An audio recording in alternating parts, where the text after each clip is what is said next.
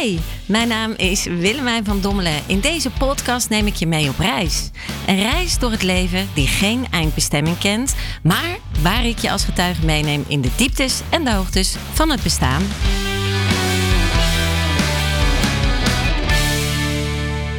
Hallo, welkom terug op mijn podcast. Um, een beetje een uitzonderlijke podcast, Thinking Out of the Box, There is No Box, waar ik je meeneem uh, in, uh, in alle ruring van mijn bestaan.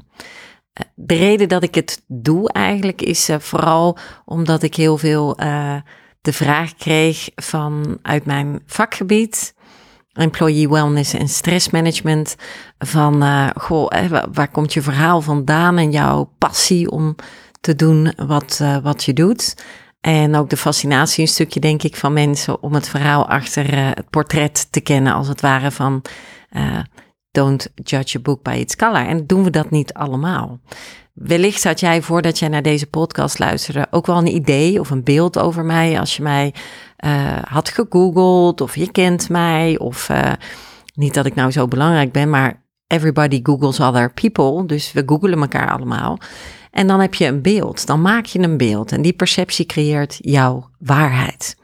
En het is een stukje, uh, ja, de taboe doorbreken, wat, wat ik graag wil doen voor jou, voor mij, voor iedereen, om dat, dat veroordelen naar elkaar, uh, om dat een stukje weg te nemen. En, en niet te denken door wat je ziet, um, ja, dat je meteen eigenlijk een, een, een beeld gaat maken van het zal wel een persoon zijn, zo of zo.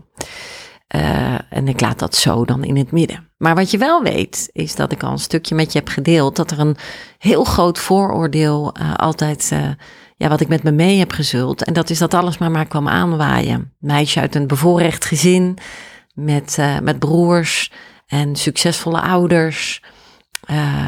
huisje, boompje, beestje, alles klopte wel. Het mooie mooie plaatje. En uh, zoals je weet van de voorgaande afleveringen van deze podcast, ja, was dat, dat toch een beetje anders in elkaar. Uh, wat denk ik een van de moeilijkste dingen voor mij is geweest, is dus dat die zoektocht in mezelf en ook het vinden van mezelf. Want we gaan er toch vanuit dat we allemaal vanuit liefde uh, zijn geboren, dat we vanuit liefde hier mogen zijn uh, in het leven. Maar voor mij was het leven eigenlijk vanaf mijn geboorte overleven. Zo voelde dat. Dus ondanks dat het hele beeld in perceptie voor de buitenwereld klopte, klopte er voor mij niks. Ik, uh, het was een beetje het gevoel alsof ik in een doolhof zat en elke keer bounced ik tegen een heg aan en dacht ik, oh nee, dit is dus niet de kant. Ik moet een andere kant op. En ik was verdwaald. Dus ik was niet aan het leven, ik was echt aan het overleven. Eh, ik had ook geen idee wat mijn plek was in mijn bestaan, in, in de familie. Uh, wie was ik daar? Wat was mijn rol? Wat werd er van mij verwacht? Hoe kon ik het goed doen? Of hoe kon ik het eigenlijk nog beter doen? En uh, ja, dat, dat vroeg heel veel energie. En als je de laatste podcast hiervoor heb beluisterd, dan deelde ik ook met je dat ik eigenlijk dus ja, niet meer het gevoel had hier te passen. Hier te willen zijn uh, in dit leven. En ik heb toen ook eigenlijk gezegd van in de volgende podcast neem ik je mee waarom dat was. Nou, waarom dat was, is dus eigenlijk al een deel wat ik nu aan het uitleggen ben, dat ik me verloren voelde. En als we kijken in de materie van de, de psychologie en de wetenschap rond de psychologie, voor zover we dat allemaal weten, want dat is natuurlijk ook wel vloe en variabel, uh, kunnen we spreken van uh, een burn-out of een depressie. En uh, beide broer en zusje zijn meermaals bij mij op bezoek geweest. En in dit geval vanaf mijn achtste levensjaar al latent depressief.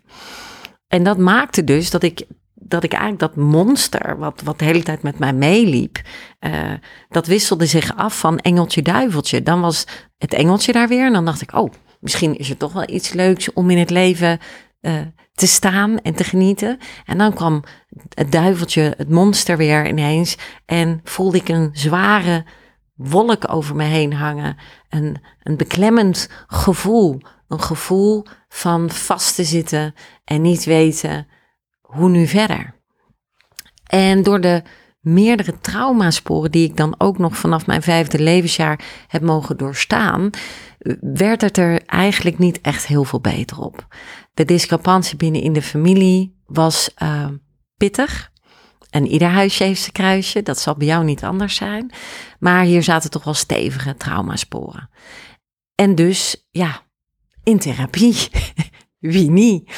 Dus het, het, leven bracht mij uh, veel gesprekken met uh, psychologen, psychotherapeuten, psychiaters. Veel Haribo-snoepjes, zoals ik dat noem. dus de antidepressiva's, omdat ik vind dat ze ze toch wel voorschrijven als snoepgoed.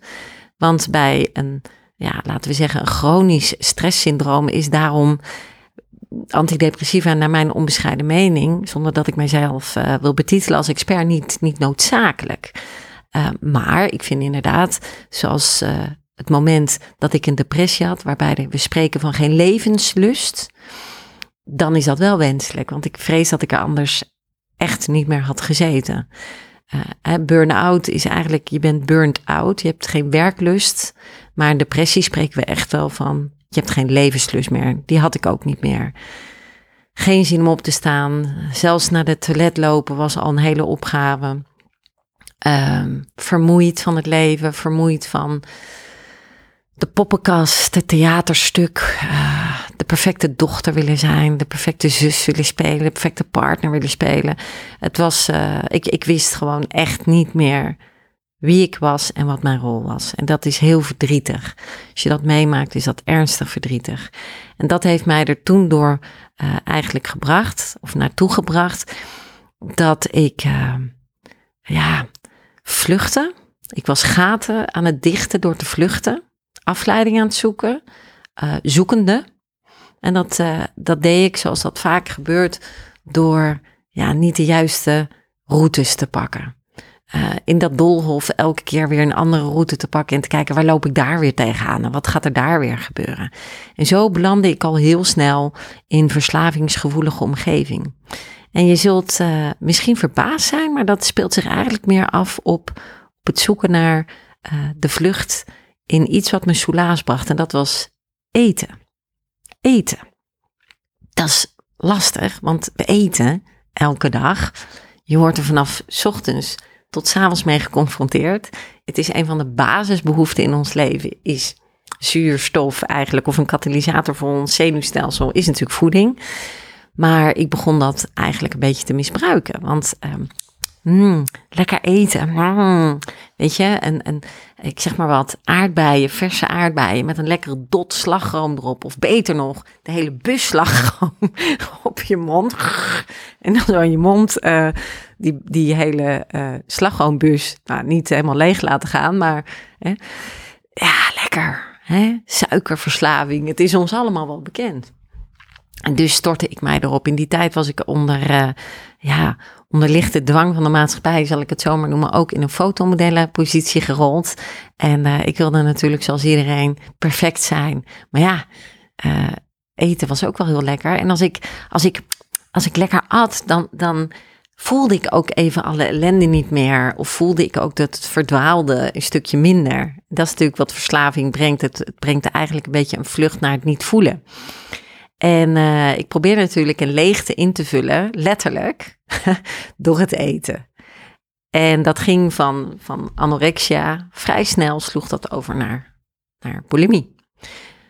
En alsof dat niet genoeg was, uh, creëerde ik ook nog eigenlijk een, een verslaving, onbewust bewust, naar een van de mooiste goedjes die we hebben in het leven. En dat is de liefde. Ik was absoluut verliefd op liefde. Ik was een, uh, een liefdesjunk.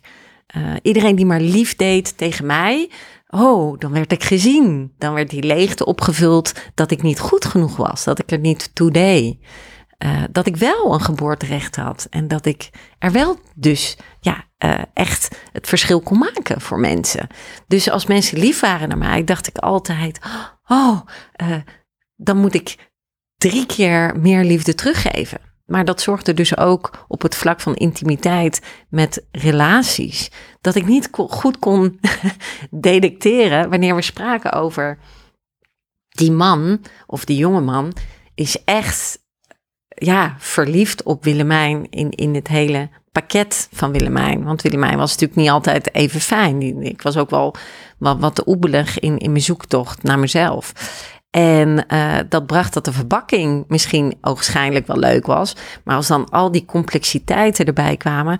En als ze dan ja, toch wel begrepen dat mijn familie niet die opstelling was die het leek van de buitenkant. Dan gooiden ze snel het boek dicht en dan dachten ze mij niet bellen. Dus dat was best wel uh, een pittige strijd. Ik, ik, aan de ene kant hè, was ik aan het zoeken om die leegte in mijn maag, letterlijk en figuurlijk, te vullen. Maar ook dat gat wat ik niet heb gevoeld vanaf het moment dat ik geboren was, dat ik geliefd werd. Ik, ik miste een basisbehoefte in die, in die liefde eh, en in, in het zijn. Ben ik wel waardevol? Ben ik wel waardig? Doe ik ertoe? En de zinsconstructie, je bent alles behalve de dochter die ik me altijd heb kunnen voorstellen. Die, die heeft daar een grote rol in gespeeld. Dat heeft me echt jaren van therapie gekost om, om me daar overheen te zetten.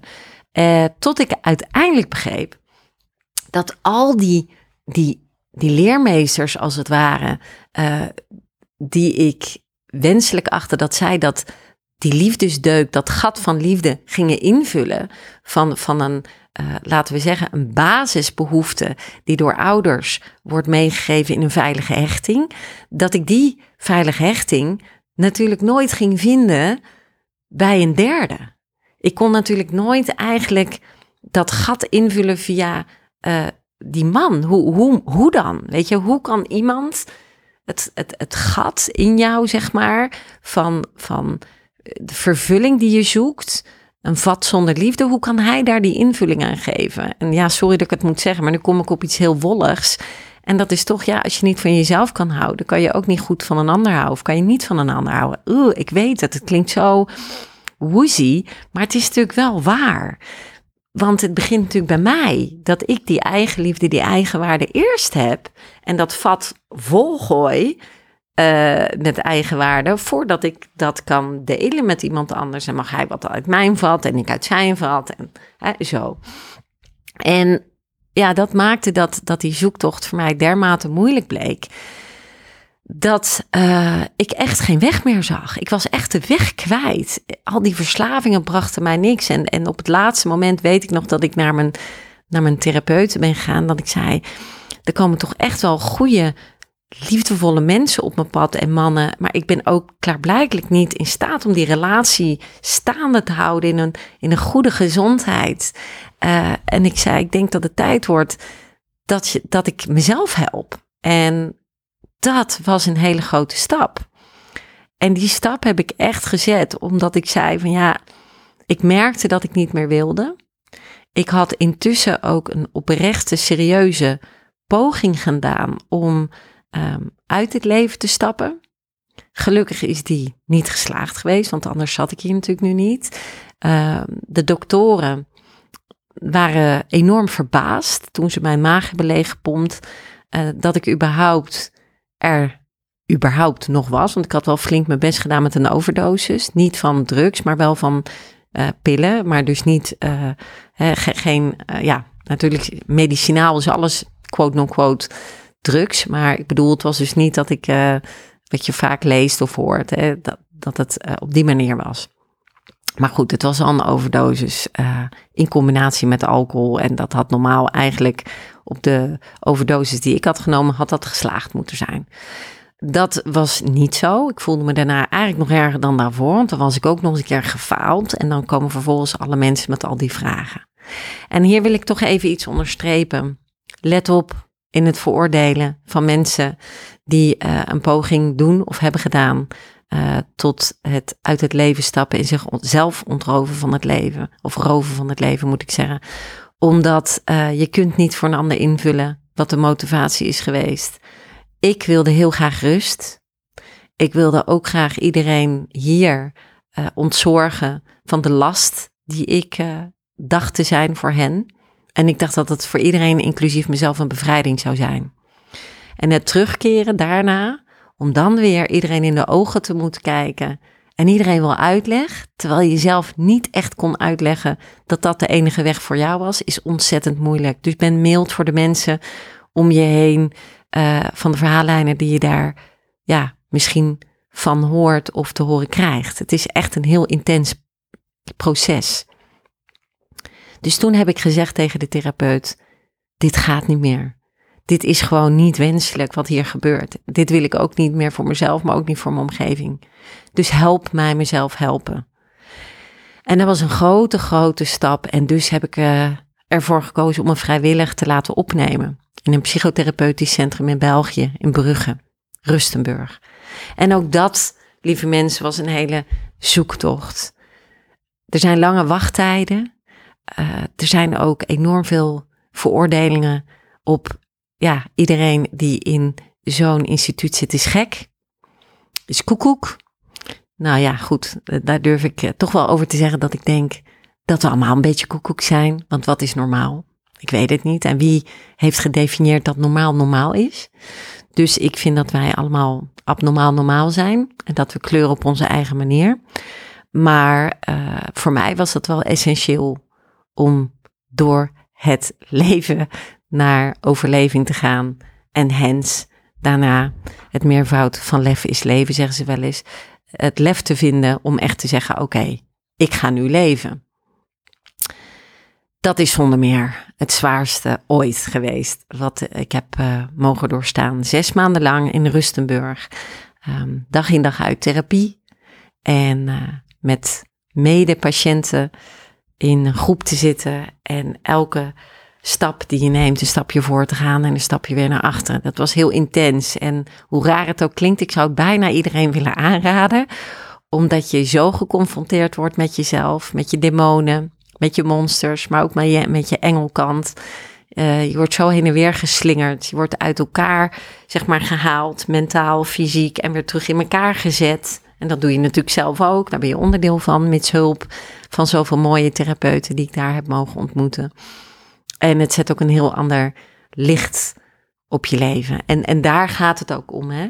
Het gaat echt om: ga ik in het licht staan of let's go to the dark side? Where they've got cookies. Dat zeg ik ook altijd in de praktijk, zeg maar, uh, met de, de, cliënten die ik mag begeleiden als gids. Ik zeg, we hebben twee kanten. We hebben de lichtkant en dan hebben ze unicorns en cupcakes en rainbows. En we hebben de kant van Darth Vader, de dark side, en they've got cookies. Het zijn ook hele lekkere cookies. Maar eigenlijk word je er alleen maar dik van. En daarna voel je je schuldig van die hele cookie-trommel. En ja, uiteindelijk brengt het je niet de soelaas die je wenst. En daar gaat het over. Yin-yang. Zonder licht geen duisternis. De maan heeft de zon nodig. En, en daar balanceren. En dat heb ik daar geleerd. Heel boeiend, boeiend proces. Dus uh, ik denk dat uh, voor vandaag ik je een tipje van, van de sluier over mijn leven weer uh, heb gegeven, uh, mag brengen. En met ontzettend veel ontroering, sereniteit en toch wel een stukje plezier neem ik je dan heel graag in de volgende podcast weer een stukje verder mee. Um, als je ooit vragen hebt over deze thema's, uh, dan sta ik daar altijd voor open. Ik wil altijd heel graag helpen. En eerlijk is heerlijk. Dus je mag me altijd uh, benaderen als je dat wenst.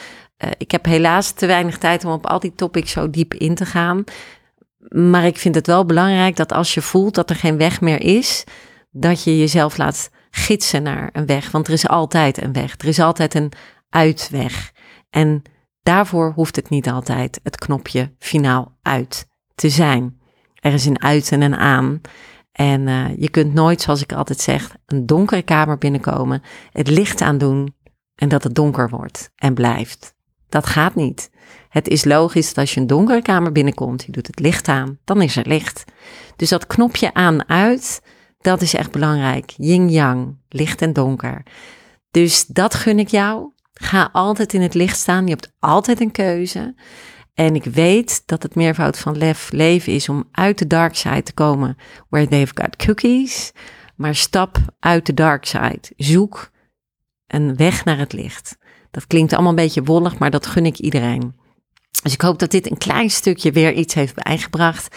En uh, nou ja, ik hoop dat je de volgende keer weer luistert of kijkt uh, naar uh, de volgende aflevering. Maar voor nu, dank je wel om naar mijn verhaal te luisteren. En hopelijk, al is het maar 0,1% wat ik je heb kunnen bijbrengen, of minder of meer. Ik hoop in ieder geval dat het voor jou iets heeft bijgebracht. Ik wens je een super fijne middag, avond, nacht, ochtend, wat het ook mee zijn. En heel graag tot de volgende keer. En uh, do not forget, carpe fucking diem. Ciao, ciao.